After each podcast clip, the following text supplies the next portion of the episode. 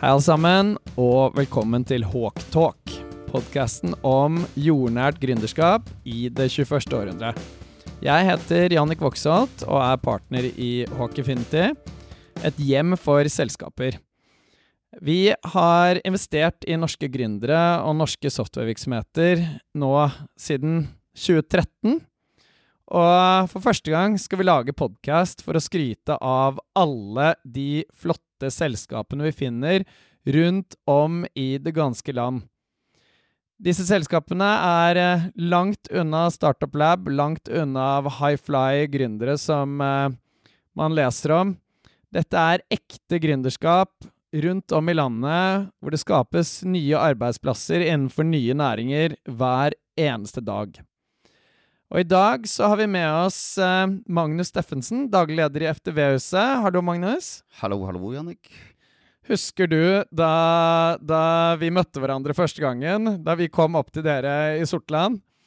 Eh, prøvde å bridge dette gapet mellom eh, eh denne gjengen fra Oslo og, det, og, dere som sitter oppe i Vesterålen og bygger software? Ja, det er umulig å glemme. Eh, det var jo en uh opplevelse å møte Håk på, på, den måten som vi gjorde. Komme opp til Sortland og skal være kjøper av et selskap. Eh, morsomt. Dere hadde hatt mange beilere, hadde dere ikke det? Jo da, vi hadde jo mange som uh, hadde lyst til å kjøpe selskapet når vi først uh, var bestemt å selge det. Og så var ting veldig sånn som man forventa det, helt til dere kom. Uh, så var det bare sånn Yes, dette er det vi liker. Det var uformelt. Likte det. Det var, ja, det var mye øl og, og lite powerpoints. Ja, veldig lite powerpoints. Og egentlig veldig lite forberedende ting. Um, så det var, nei, det var veldig bra. Det var, en, um, det var, en, litt annerledes måte å gjøre ting på. Fantastisk. Vi liker det sånn. Mm. Uh, du Magnus, hva er FTV-huset? Altså, Vi alle vet jo hva et hus er, men hva, hva er FTV egentlig? ja, det er jo et uh, både langt og kort uh, spørsmål. FTV er jo noe litt sånn historisk veldig traust og kjedelig, uh, forbundet med dokumenter. Uh, så uh, betyr forvaltning, drift og vedlikehold. Og det vi lager software for å gjøre, det er å sette dette drifta av bygg i system. Så, ok, Så det handler om bygg, eiendom? Ja, det er eiendom som er våre kunder. og Um, det, det, går litt på det her med Du har så masse du skal få fiksa på bygget, du må holde det oppdatert. og Jeg bruker mange ganger å, å sammenligne FTV litt med instruksjonsboka på en bil. Ja, uh, Bare for et bygg? Bare at det er for et bygg, ja. Og bilen, der har du instruksjonsboka om hvordan alt funker. Uh, du vet hva tida sist var på Søys, du vet alt om denne bilen, men du vet ingenting om bygget ditt selv mitt eget bolighus. Jeg aner ikke hva de har gjort med det før jeg flytta dit. Men hvorfor trenger jeg det? Altså, hjemme hos meg så er det nok å sette nøkkelen i døren og skru på lyset. jo da, men eh, du gjør vedlikehold eh, på huset ditt. Eh, du gjør rent, du vasker huset ditt, du vasker ventilatoren, du fikser og ordner ting etter hvert så de blir ødelagt. og uh, ja, har du hatt elektrikeren der, så må du dokumentere at han har vært der og gjort det. og og du får tilsyn fra feieren hvis du har pipe og fyringssted, og det må dokumenteres. Du må ha ting i orden også på huset ditt. Og det altså, det er ganske kurant da, på min 90 kvadratmeter leilighet, men uh, jeg kan jo se for meg, da, hvis du styrer en eiendomsportefølje på mange titusenvis av kvadratmeter, da, da, blir det tøft? Ja, det er litt sånn en ting å gjøre det på ditt eget hus, men du skal ha Ja, mange eier jo veldig mange som bygger. De største kundene har mange millioner kvadratmeter bygg, og det skal følges med. Og så skal du liksom uh, Det er alltid noen som bor i det bygget, eller bruker det bygget. Da, da skal bygget være optimalt. Kravene her blir større. Det må driftes på en uh, bra måte, og det må være god luft, og det må være heisen må gå, og alt må funke. Uh, og det gjør systemet vårt, eller hjelper systemet. Hva slags kunder har de da? Hvem er kundene? Nei, det er egentlig alle som eier et bygg, i korte trekk. så vi har Eh, en god del eh, kommunekunder som har hele sin portefølje der. Vi har eh, en del statlige kunder og veldig masse private kunder. Og så er jo byggdrift et fag som blir mer og mer profesjonalisert, som gjør at folk kjøper denne tjenesten fra andre. Så vi har veldig mange av de som drifter bygg på vegne av andre, da. Hvor vårt system blir deres verktøy for å serve sine kunder igjen. Og Hvordan kom dere på dette her? Altså, Hvordan ble FTV-huset til? Ja, det er gründa og skapt, som innleda litt med på, på Sortland av eh, Eirik Johansen, eh, helt, tilbake, helt, tilbake, til 2001. Eh, hvor man så det her behovet for å ikke bare lage god dokumentasjon, men faktisk ha en plass å lagre det. Folk putta det i kontorskuffene når, eh, når, eh, når du fikk dokumentasjon på et eller annet på bygget, og det krevde et system. Så da starta Eirik eh, FTV-huset og begynte å lage Famak. Så det er jo da 23 år siden. Famak er navn på produktet deres? Ja, det er navn på produktet vårt. Ja, ja. Så Famak er systemet. Og, altså Når jeg snakker med mennesker som drifter bygg i dag, så er det fortsatt mye ringpermer som er ute og går, men dere kom altså med en skybasert løsning helt tilbake i 2001? Ja, og da var det litt sånn uh, I 2001 uh, eh, var det mange kunder som syntes systemet så veldig bra ut, men de kunne ikke kjøpe det, for de hadde ikke internett. Uh, så, så, vi er faktisk så langt tilbake i tid. Men dere oppe i Sortland, dere hadde internett? Ja, vi hadde internett. Og så tenkte vi at internett, selv om vi kunne lese i media at det kom til å bli en flopp, så tenkte vi at det skjer ikke. Det kommer til å bli internett rundt omkring etter hvert. Så, så vi har vært skybasert siden i 2001. Så Eirik Johansen som startet det, og resten av gjengen deres har altså bygget dette stein på stein helt siden 2001, fra Sortland, til å bli et eh, voksent og veldrevet og profitabelt norsk software-eventyr. Ja, kort og enkelt. Ja, Kjempekult. Voksen i Bø i Vesterålen, tilbake i tid. Um, Starta tidlig med det som omhandler å jobbe. 13, eller var 14 år gammel da, da hadde ansvaret for å drive et gatekjøkken i Bø. Så sprengte på ungdomsskolen, og mamma hengte nøkkelen rundt halsen på meg, sånn at jeg skulle komme meg på jobb med en gang jeg var ferdig på skolen. Um, og sånn har det litt gått uh, slag i slag. Det er vel litt for meg sjøl å komme inn i FTV-bransjen sammen med Erik i 2015, da, uh, hvor uh, FTV-huset, eller den, den, triggeren der rundt det, det, at her er det noe som er så ufattelig kjedelig at dette må vi gjøre bra, og det trigga meg veldig, da. Så det å starte med FTV og begynne å prate med Eh, kunder og høre deres problemer og utfordringer, og begynne å se at det her er likt, eh, eh, og samtidig være med å utvikle programvaren til å løse deres problemer, servere det til dem og se at de klarer å gjøre ting mer effektivt og bedre og sånt, det, det er egentlig det som driver. Når vi da ser hvor mange som bruker systemet, vi har vel over 40 000 brukere nå på systemet, og møte dem og få tilbakemeldinger og se hvordan vi kan løse ti minutter hver dag for dem med å lage en funksjon, f.eks. Um, og, og, effektivisere dem ti minutter mer hver, dag, det er fryktelig givende. Da. Så, ja. Og det er også store selskaper hvor vi ser at vi går inn og gjør egentlig endring i hele måten vi har gjort det på, kanskje i 30 år. Så får de et system, og så må de endre seg. Og den endringen, være med på de endringene der og se til det positive, det er veldig givende. Og når var det du kom inn i FDØ-huset?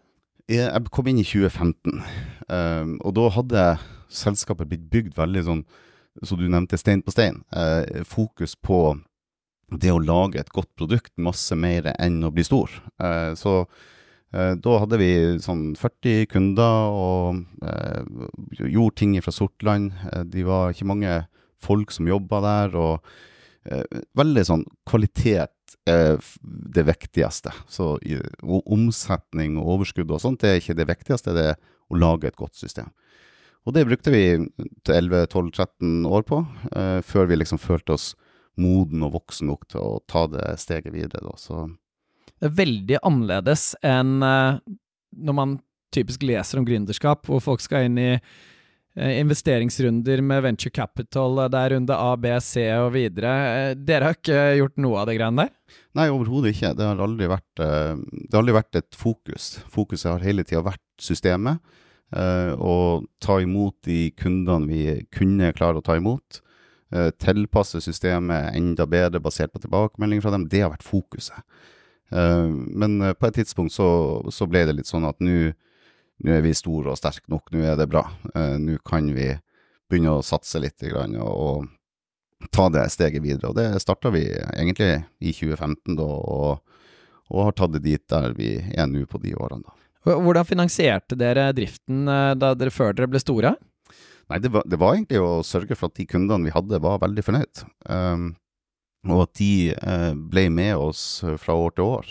Um, så det er jo det takknemlige. Det er jo har du kunden der, så betaler de deg hvert år. Det er jo ikke en, en sko du selger, så når du har solgt den, så, så, så, er, så, må du først kjøpe den inn, og så tjener du litt, og så må du selge neste sko også. her er det jo litt mer den recurring-delen som, som bærte oss. Um, og da legger man stein på stein, og da er det egentlig veldig enkelt å bare sørge for at utgiftene er mindre enn er, er mindre enn inntektene, så, så, går det her fint. Så, så begynne med en liten gjeng som jobber hardt, da, og så gradvis øke med flere og flere ansatte? Ja, det er rett og slett det som funker. Og hvor mange er dere i dag, da? Nå er vi 19 stykker som jobber i selskapet. Um, der vi også her fra Sortland, gjort alt fra Sortland. Og det er jo det er ikke verdens navle, verken med tanke på uh, rekruttering av folk og fagpersoner og den type ting. Så utvikling har jo egentlig i alle år vært problematisk med tanke på kompetanse og folk, men uh, det er ikke noe enklere på Sortland, det kan jeg love deg. Så vi har brukt mye energi og kapasitet for å skaffe oss et godt team på Sortland til å utvikle der. Så vi utvikler hele softwaren derifra. Eh, hvor vi henter folk fra eh, distriktene, som vi sier da. Sånn type distrikt eh, Bergen, f.eks., har vi utviklere. Og Pakistan og England og Nei, unnskyld, Frankrike. Uh, og nå, rett før jeg reiste hit til dere, så kom der et nytt menneske fra Bangladesh og tok med seg kona og flytta til Sortland. Flytta til Sortland? Ja, flytta til Sortland, ja. Det er kult, altså. Mm. Vi, skal, vi, skal, snakke litt mer siden, Magnus, om uh, hvordan du ser for deg dette videre også. Hvordan driver man egentlig et moderne softwareselskap uh, fra som Sortland, eller Utkant-Norge, da, eh, generelt. Um, men kanskje aller først så kunne det vært interessant å høre litt mer om hvilke problemer er det egentlig det løser for kundene, og hvordan ser fremtidens FTV-system ut? Er det sånn at uh, altså konseptet med FTV kommer til å bestå, eller blir det noe helt nytt? Ja, det er jo, det er jo sånn at eh, hvis du tenker FTV er litt sånn smalt, og, og, det som går isolert sett på byggdrift, så, så har vi alltid hatt et branntilsyn i Norge som går inn i alle offentlige og private bygg som er i næring, og eh, har tilsyn på at brann og rutiner rundt det er på plass. Um, og det har vært et sånt skallkrav, uh, og der er byggerne veldig, veldig flinke. Men så er det alt det andre da som ikke er skallkrav, der vi litt sånn kan velge om vi har lyst til å dokumentere ventilasjon og den type ting, og ha rutiner på det. Det er liksom opp til hver enkelt. Um, og det er jo det systemet vårt gjør. Det fanger opp disse tingene her. Det kan sette fingeren på hvor du skal bruke penger på bygget. Uh, investeringer og alt det som skjer rundt det, og også masse rundt ED-prosesser. Det å ha dokumentasjon på plass når du selger og kjøper osv. Så um, sånn at den er liksom veldig godt etablert, og det kommer ikke til å endre seg. Det som har endra seg, det er jo at de gamle papirpermene er blitt digitale. Utover det så er jo dokumentasjonen den samme. og behovet det samme. Det er noen som skal nå den, finne den når de trenger den. Så det begynte egentlig med en digital brannbok? Ja, i stor grad gjorde det. Altså, for det var jo det lovpålagte og det som folk måtte ha på plass. Ja, det har jo vi hjemme i, i det leilighetsbygget som jeg bor i også, men det, vi har faktisk fortsatt en fysisk bok. Ja da, det er veldig mange som har det. Og det er jo det som, det som liksom skjer fremover nå, det er jo det at eh, verden endrer seg jo veldig på det her med energi og energioppfølging. Um, det krever dokumentasjon. Nå ser vi jo at uh, banker begynner å prate om uh, finansiering av bygg på å definere de liksom brune og grønne lån. Og det er veldig spennende, for et grønt lån handler om og, og, ha gode energiklasser, og uh, taksonomi og bærekraft kommer inn i det her. Og du kan ikke dokumentere et bygg til å være energi- eller miljø- eller taksonomivennlig uten at du har dokumentasjon, og uten at du har rutiner. De skal se at du har de rutinene. Det kommer til å endre seg fremover med insentiver rundt grønne lån og, og den type ting. Og det er jo mye penger i eiendomsbransjen og mye Eh, investeringer som gjøres der, eh, som disse grønne lånene vil ha stor innflytelse på. Altså, dette er jo en del av utviklingen som gjorde at vi i Hawk Infinity også ønsket å kjøpe FTV-huset. Uh, vi ser jo det at uh, bygg blir bare smartere og smartere, og det blir strengere og strengere krav. Og næringen ligger langt etter på digitalisering. Kjempemulighet for selskaper som dere. Og særlig hvis man kommer til det punktet da, at man får billigere finansiering som byggeier. Mm. Billigere lån. Hvis man kan dokumentere god byggdrift og god eh, og klimavennlig bygg, da. Eh, da det jo, ligger det jo masse penger i dette. Og det har vi bare begynt så vidt å, å skrape i, Magnus. Så det er, det er mye som kommer fremover her. Ja, og så er det jo et interessant uh, punkt som du nevner med, med, med smartere bygg. Um, jeg var sammen med en eh, kunde hele gårsdagen og var på befaring på et av de nyeste byggene som er bygd her i Oslo. Et svært bygg oppe på Økeren på over 80 000 kvadrat. Og når du går i ventilasjonsrommene på de byggene der, i istankene, i grunnvannet, i alle de tekniske installasjonene som faktisk er på det bygget der, så skjønner man at fagekspertisen er ikke sånn at det er den nøkkelknippet med mange nøkler på, den typiske vaktmesteren som var. Det er fagfelter på nesten alle områder i et bygg som skal dekkes for at et smart bygg skal fungere. Og da, og da er det ikke nok lenger med allmenn kunnskap. Da må du liksom ha spisskompetanse på alle fag. Ventilasjon, eh, energi, eh, varme, kulde, eh, sensorikk eh, styring, samtidig som du skal holde en leietaker fornøyd. Kostnader, taksonomi, bærekraft og miljø. Alt det her er et stort puslespill, et komplisert puslespill. På spesielt nye bygg. da. Det hørtes dyrt ut. Det, ikke billig, kan ikke være billig å drifte bygg i dag? Nei, og det er jo Dårlig byggdrift er i alle fall dyrt. Ikke sant? For uh, det er jo et dårlig drift av bygg, det er utgifter. Så det holder. Det renner ut energi. Det er Um, det er bedre å løse ting før du må Altså fikse ting før du må bytte det. Altså det er så mange sånne elementer i det, og det krever mye. Uh, da krever det god dokumentasjon, du må vite hvordan dette fungerer. Og, du bare tenker et uh, standard bygg i dag, det har uh, ja, 30, kan oppimot 20 30 000 dokumenter for å dokumentere et bygg. For du skal vite hvordan vindu det er, du skal vite hvordan tak det er, hvordan grunn. Eh, støttepilarer, bærekonstruksjoner, eh, lastberegninger. Der er mange dokumenter eh, som du en gang får behov for. Og hvor skal du lagre det, og hvor skal du hente det når du faktisk står ute på bygget og har en feil? Hvor finner jeg ut hva feilkode 42 er? Jo, det ligger på en minnepenn hos sjefen min, og han er på ferie, så den må vi bare vente med. Så det er en stor, kompleks greie med byggdrift. Ja, jeg kan jo se for meg at uh, leietakerne syns det er hyggelig hvis den feilen blir fikset også. Ja da, og før var jo leietakere veldig uh, lojale, uh, og det ser vi jo også har endra seg litt. At er vi ikke fornøyd der vi er, så stikker vi videre. Så finner vi en annen som vi kan ha bedre. Vi vil ha god luft, vi vil ha god solraskjerming, vi vil ha en heis som funker hver dag, vi vil ha en vannkrane som gir meg rent vann hver dag.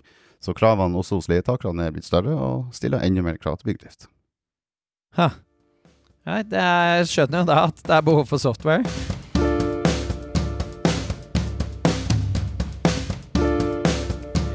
Hva mer kommer fremover da, tror du? Hvordan kommer, hvordan kommer, den typen software til å endre seg? Nei, Den kommer til å endre seg i form av uh, det som uh, det, Altså det å, å, spisse seg mer mot leietakere, mot dette her med å være god på rapportering uh, ut. det med å kommunisere. Vi hadde jo caser nå i det siste som beklageligvis rundt flommen. Da kommer det her med å skal dokumentere hva vi har for noe til forsikringsselskaper. Um, og så blir det stilt krav rundt energi. Uh, snart blir det stilt krav til ombruk og gjenbruk. vi ser Bream in use, f.eks. Uh, Hva er det? Det er jo energimerking av bygg, rett og slett, som gjør at du ha, viser at du har et bærekraftig bygg, uh, og at du tar vare på uh, omgivelsene rundt deg og har et fokus på CO2-utslipp. Eh, vi trenger ikke å Hvis vi bytter eh, installasjoner, så skal vi bytte til noe som er det mest klassiske er jo at du har eh, lysarmatur og bytter til ledd ikke sant, for å få ned energiforbruket. og Eh, og får poeng basert på det, da, sånn at du beholder klassifiseringene dine. Og ja, da må jo alle disse energitiltakene må jo da dokumenteres. Ja, det må dokumenteres. Så dere er jo et ekte miljøselskap? Ja, og det er jo kanskje litt for lite fokus på det, da. Men absolutt, det er med å både gi gode rapporter og også ta ned klimaavtrykket på, på bygg og det er vi altfor dårlige på å markedsføre. ja, jeg hørte det spesielt godt nå når du sa det. For det, for det er jo ting man ikke tenker over. Ja, absolutt. Ja, Kult. Men, altså, her må det jo bare komme masse, masse mer. Altså, jeg vil bare lese jo om i avisen at uh, det kommer ulike sensorer for å måle energiforbruket på ulike enheter. Folk skal ha solceller på taket. Man skal ha smarte strømmålere. Hvordan, hvilken rolle spiller uh, systemet deres, uh, Famak, i denne utviklingen? Ja, Det var jo, det var liksom Noen år tilbake så, så, kjøpte vi inn sensorer. For vi hadde noen som begynte å snakke sensorikk og ville ha bygget til å prate til seg. Men de sensorene kasta vi helt fysisk i søpla og sa at dette skal ikke vi holde på med. Så da bygde vi en, en del av softwaren vår for å være kompatibel med de som er smartere enn oss på disse tingene. For det er også fagfelt. Altså i dag så gründes det å skape sensorselskaper rundt oss overalt. Vi møter én til tre nye hver eneste uke, eh, som er å selges i smarte løsninger. Og det kan handle om eh, det starta jo liksom litt med luft. Vi vil ha luftkvaliteten god, ok, så uh, må vi kjøpe et system for det. Og så skal vi kjøpe et system for uh, å få på plass vannkvalitet og vannlekkasje. Så skal vi få på plass et system for å uh, ja, egentlig alt som du kan tenke deg og drømme om eh, av sensorikk. Så, um, så, da er jo plutselig så sitter vi med 20 brukernavn og passord for å holde orden på bygget vårt, for vi har masse sensorer. Så, så da blir vår rolle å koble oss sammen med de her, sånn at de kan varsle inn til oss dersom det er noe galt. og gå inn i deres system og skryte av hvor bra det er. Vi er bare ute etter det som er galt, det som vi fysisk må ut og gjøre noe med. da. Eh, så der har vi en, ja, rundt 40 integrasjoner uh, på plass i dag som kundene våre benytter seg av, hvor vi samarbeider med alt fra energi til tegninger og BIM og digitale tvillinger og sensorikk i alle varianter.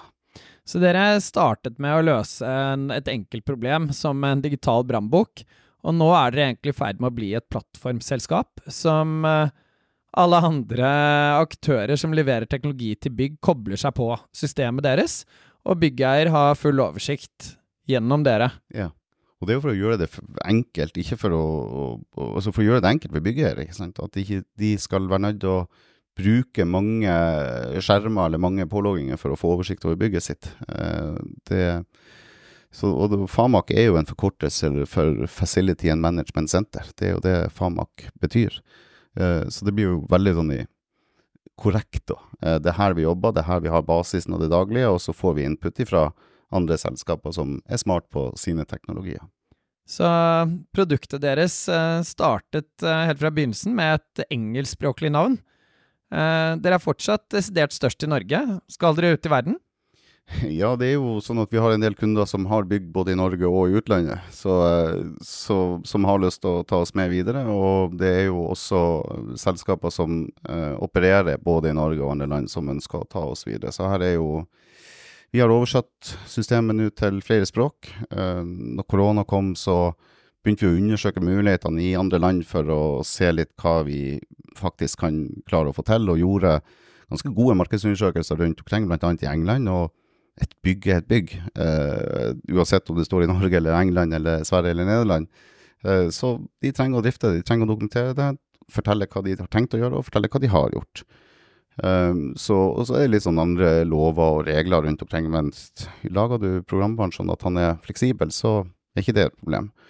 Uh, så det ser vi absolutt for oss, at her er det bare å har ikke de sine egne programvarer i andre land? Hva, hva tror du, hva er det som gjør at dere kommer til å lykkes i utlandet? Det er, jo, det er jo først og fremst eh, altså Hvis du tenker å lykkes i Norge, så reiser du til London, og så leier du deg et hotellrom i, midt i London, og så har du to vinduer på det hotellrommet, så ser du hele Norges byggmasse ut av de to vinduene. Eh, så det er jo sånn at vi, eh, vi lever av å ha et, en kvadratmeter bygg inn i systemet, og ja, da er jo hva, hva betyr det å lykkes i utlandet? Er det ett bygg, er det ti bygg, er det sant? For det er jo noen andre dimensjoner. Og Norge ligger vel også langt fremme på dette området? Ja, mange av de vi sjekker oss opp imot av type konkurranse, spesielt i England, og så er det mye sånn Excel eller den type ting. Eh, og vi eh, i Norge bruker jo software fra hele verden, så hvorfor skal ikke hele verden bruke software fra Norge? Eh, fra Sortland, faktisk? Faktisk fra Sortland, ja. Så det har vi, det har vi brukt litt tid på. Um, og så har vi jo brukt mye energi og tid, og for så vidt penger også, på det som er utrøstelig kjedelige ordet datasikkerhet, uh, som vi bare starta med i 2018 og tenkte at i dag er vi ikke så opptatt av det, men det kommer. Uh, og det ser vi jo skjer nå, da, at det kommer. For fullt, det her med å ta vare på eh, dataen og sikre det. Det er der kriminaliteten skjer nå. Eh, før så tok folk på seg eh, finlandshetter og gikk i banken og landa penger. Nå er det angrep på cyber som er det nye. Ja, og det er klart at uh, når det gjelder et uh, bygg, så møtes vel nesten disse to. Skal du bryte deg et bygg, så eh, hjelper det jo å, å vite hvordan det bygget ser ut, da, hvis man klarer å hacke seg inn i systemet deres. Ja, og så, og så setter man på mm, avvik eller på tegninger eller på rømningsplaner eller hva det måtte være. ikke sant? Og, eh, og uansett hvilken type dokumenter det er, eller hvilken data det er, eh, så stilles det krav da, til hvordan det her skal lagres, og at vi må stole på hverandre. da. Sånn at eh, vi kan gå god for at den dataen her er sikra og trygg hos, hos oss, da, for vi oppbevarer det på vegne av våre kunder. Uh, og det har vi hatt mye fokus uh, på da, og har endt i bytte av serverpark, og, kulminerte nå til slutt på at vi rett før vi tok sommerferie, gikk også all in på ISO og fikk stempelet på både 9001, som handler litt om kvalitet og den delen, men også det som handler om informasjonssikkerhet uh, i ISO-verden. Og det ser vi effekten av allerede, hvor vi får et stempel på at vi sier ikke bare at vi er bra, vi har et stempel på at det skal være bra. Så nå er eh, kundenes data i trygge hender, og dere er eh, klare for å ta neste steget både i Norge og utenfor Norge? Ja, nå har vi bereda grunn eh, internt, og, eh, og, er egentlig klar for å, for å ta det neste steget. Hvordan bygger man et eh, moderne og etter hvert internasjonalt eh, softwareselskap fra Sortlandet? Det er folk. Det det eneste svaret jeg har. Det er gode folk. Eh, runde kanter. Og eh, ja, prøve å gjøre det sånn at det vi først og fremst har det trivelig, og dernest utvikle et uh, software-system. Uh, så det er vel litt det vi har lyktes med å få til fra Sortland. Og det har jo vært noen reisedøgn og noen timer. Vi har jo et par timer å kjøre for å komme oss til flyplassen. Og, så vi har kunder i hele Norge, bokstavelig talt. Vi har ifra Finnmarka og Svalbard og Oslo og overalt. Um, så det har jo krevd litt reising, men du må først og fremst bygge miljø. Folk som har trua på det du holder på med, og syns det er trivelig å gå på jobb. Så det Du nevnte jo i sted at dere henter jo inn medarbeidere, ikke bare fra Norge, men fra hele verden, så å si. Ja. Hvordan får dere dem opp til Sortland, og kan dere fortsette med det i all evighet etter hvert som dere vokser og vokser? Bærekraften i det er vel ikke det største, kan du si. Og det er jo, det er jo um det er jo utfordringer rundt det, selvfølgelig. Eh, sist ansatt fra Bangladesh starta vi prosessen med i november i fjor, så det er ikke fort gjort. Eh, vi kjører prosesser opp imot UDI og arbeidstillatelser, og skaffer de bolig og, og legger til rette for at de skal synes det er bra. Men det er jo folk som eh, åpenbart ser mot Europa og Norge som en, en bra plass, eh, og at Sant? Du kommer fra Lahore i Pakistan med jeg vet ikke hvor mange innbyggere der er, men det er ganske mange flere enn det på Sortland. Eh, sånn at eh, du får jo kontraster, men noen er veldig på jakt etter de kontrastene. Og da utnytter vi oss litt av det, da. Og så, så da bygger vi det miljøet rundt det. da. Og så er vi veldig på jakt etter personer foran uh, ja, skal vi skal si, eh, erfaring. Altså det, det, er lett å skal lete på øverste hylle. Eh, og så er vår tanke at vi skal heller være tålmodige og bruke tida på de eh, som mennesker. Sørge for at mennesker har det bra. For da Du kan liksom lære noen å programmere eller å gjøre eh, skills, men du klarer liksom ikke å lære dem å være gode mennesker. Det, det er ikke så enkelt. Nei, det er som å bygge gode team. Ja. Men det tar tid, og det krever tålmodighet. ja, Og så har dere jo noen utposter rundt om i Norge, og dere alle sitter ikke på Sortland. Nei, og det er jo litt av hensyn til både hvor kundene våre er lokalisert og har behov for hjelp, og også for å Um, og ikke bygge hele teamet på Sortland. og Spesielt på salg- og markedssida så har vi folk på kontor både i Førde og i Stavanger og i Bergen og på Hadeland og ja, så er litt sånn spredd rundt omkring i Norge. Altså jeg syns jo dette er jo en solskinnshistorie på å opprettholde næringsliv og bosetting i distriktene i Norge, og hvordan man kan bruke moderne teknologi til å få det til. Både Altså, software kan man bygge hvor som helst. Ja. Eh, og det er også sånn at eh, greit, så trenger dere noen salgsressurser som sitter andre steder, eller noen andre som sitter andre steder, og det er, det er også helt uproblematisk med moderne teknologi. Det er jo egentlig en fantastisk utvikling. Mm. Kanskje vi får en renessanse i Distrikts-Norge?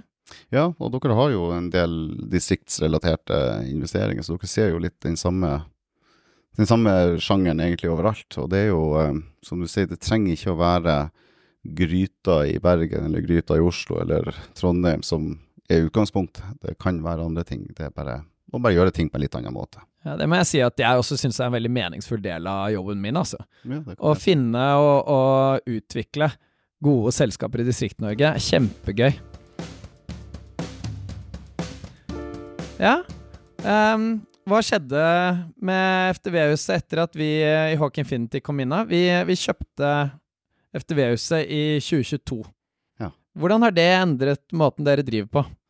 Nei, det var jo altså Den største endringa var jo at Eirik eh, solgte, og, og det var ingen dramatikk eh, rundt det. Det var veldig sånn rolig og planlagt også det, da. Eh, han er fortsatt eh, si, med oss og er, får følge selskapet tett. og eh, så, Men det var liksom den delen jeg var aller mest redd for, det er jo at du mista det leddet som faktisk har stått på toppen og, og gjort alle disse endringene, og gjort det, og, og tort å tatt alle de sjansene som de har tatt. Uh, og, og satsa, og som jeg nevnte her med å bygge miljø, det er ikke, det er ikke, det er ikke en utdanning for å bygge miljø, det er mennesker sjøl som bygger miljø. Så det å miste de der brikkene der var man engstelig for. Så, så har det gått veldig bra. Eh, og så var det jo også den her eh, å gå sammen med H, hva vil det bety for oss? Og det var jo en, en, en spennende del av det her, da, for vi kjente jo dere kun gjennom de forhandlingene som var, da, og stolte på eh, det dere sa, og, og da begynne å bevise det det var en fin prosess, eh, hvor vi ser at ja, sånn What you see is what you get. Og det var Takk i like måte. ja. så det en, var en fin, og det gjør jo til at vi egentlig bare kan drifte selskapet videre akkurat sånn som vi hadde tenkt, og, um, og nyttiggjøre oss av den bredden som Hawk sitter med, og uh, få på plass uh, gode styrer, det å få i orden uh, ja, Å ha den støtten i ryggen eh, har vært helt avgjørende. Så eh, det at folk har trua på det. Det er, gjør vei i vellinga. Altså. Det, det gjør ting enklere. Eh, sånn at eh, Og så har vi jo eh, fått noen bra søsken ikke sant, som vi sparrer med og diskuterer med og gjøre ting sammen med. Og ja, fint å ha bredde og eh, ja, bedrifter som gjør egentlig akkurat det samme som deg sjøl, og diskutere og spare med opp igjen. Så det har eh, det har, eh, det har virkelig vært, eh, vært eh, fint. Og så blir det jo også sånn en forskjell på det der med den gründerbarnet som du var inne på. Med at eh, en gründer altså Du får en annen Du får en sånn respekt for det, da. Og så, eh, og så skal du liksom ta den respekten med deg videre, samtidig som det, det liksom, du, du skal forvalte det på en litt annen måte, da. Uh, samtidig så det er egentlig helt likt. Men uh, det har vært en, en spennende reise. Så har gitt oss masse, og, og du føler deg jo noe mer solid bak i ryggen der når du, når du tenker de litt større tankene. De er ikke like skumle å tenke sammen med, med andre eiere enn en den som er gründer, og den som har alt på, på sine skuldre. da. Altså vi, vi håper jo at det skal være sånn også, da. At uh, det skal være Det er jo alltid en overgang å bli kjøpt opp uh, av en ekstern investor og begynne å jobbe med nye mennesker, få nye mennesker inn i styret. Men uh, vi liker å tro at vi er et godt hjem for selskaper som dere, da. Vi kommer ikke inn for å endre på alt. Vi skal bygge videre, vi, sten på sten. Det er derfor vi heter Hawk Infinity. Vi bygger inn i evigheten. Mm. Ja, og det er jo det vi føler at vi får støtte på, og det, jo, det har jo vært helt avgjørende. Det er jo, eh, det er jo lett å tenke, eh, og, vi, og vi var som nevnt eh, i dialog med mange. Eh, vi hadde veldig mange friere når det kom ut at FTVS skulle selges, men alle, jeg føler liksom at alle var like utenom dere, og det var en sånn ehm, ja, det var egentlig det som gjorde at vi, at vi valgte å gå videre, for det, det var der det føltes trygt. Eh, de andre hadde litt større visjoner, eller eh, ikke større visjoner, men, men litt sånn flatere tankesett, da, eh, hvor man lett kunne føle at eh, Sortland er trua, ikke sant, at eh, hva skjer, det er greit det første alder, men hva skjer om ett år, hva skjer om tre år, hva skjer om fem år? Så det har vært helt avgjørende for oss da, at vi det vi hadde bygd og det vi hadde trodd på, og det vi hadde gjort de siste årene, som jeg nevnte, med sikkerhet og det, alt det kjedelige tullet vi Eller ikke tullet, men alt det som er kjedelig å gjøre, da. det var det som skulle grunnlaget vårt videre.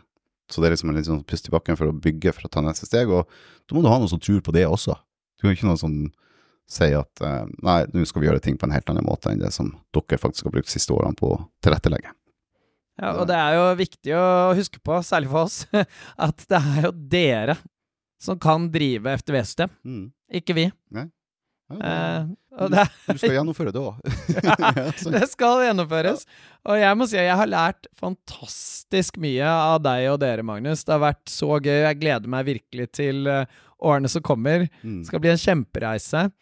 Hvordan ser uh, hverdagen din ut? Hva, hva skal du resten av dagen i dag av? Og dagene fremover? Ja, Nå er vi jo på bytur og eh, har vært sammen som en stor kunde i går, og i dag så inviterte du meg hit for å ha en podkast og spille inn første Håken Infinity-podkast. Jeg digga det konseptet, og at dere bare kaster dere rundt og gjør det.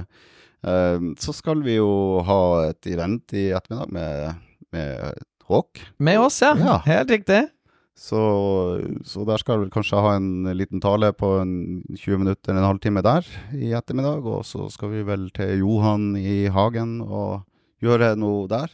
eh, Det blir helt sikkert Det begynte med øl i Sortland, og, og nå blir det noe øl i Oslo også, tror jeg. Men aller først skal du i manesjen og presentere FTV-huset for eh, egentlig alle investorene våre og, og alle de andre selskapene vi har. Ja, så det skal vi gjøre i dag. Og så reiser jeg hjem og tar helg og skal eh, på tur med dattera mi og ut og ri med hesten. Hun skal ut og ri hest i helga, og så er det tilbake på mandagen igjen og full fart og nye kunder og eh, nye bygg som skal inn, og nye som skal i drifta. og eh, fortsette utviklinga av Famak som er utviklinga vår. Fantastisk. Og jeg gleder meg til uh, neste gang jeg kommer til Sortland. Mm. Det er alltid like hyggelig. Men da skal, vi, da skal jeg komme hjem til deg, Magnus. Ja, da må du komme på Da har jeg invitert deg på naustet mitt. Det er helt riktig. Skal vi sitte i naustet og se utover havet og fjellene? Mm. Ah, Og filosofere litt om hvordan vi kan gjøre ting videre. ah Ja, herlig. Ja, det blir perfekt. Digg, altså. Mm. Ok. Tusen takk for i dag, Magnus. Tusen takk for at du kom. Lykke til videre. Den reisen har så vidt begynt. Takk for i dag. Takk for at du har lyttet til Hawktalk. Hvis du vil vite mer om hva vi driver med, sjekk ut hawkinfinity.com.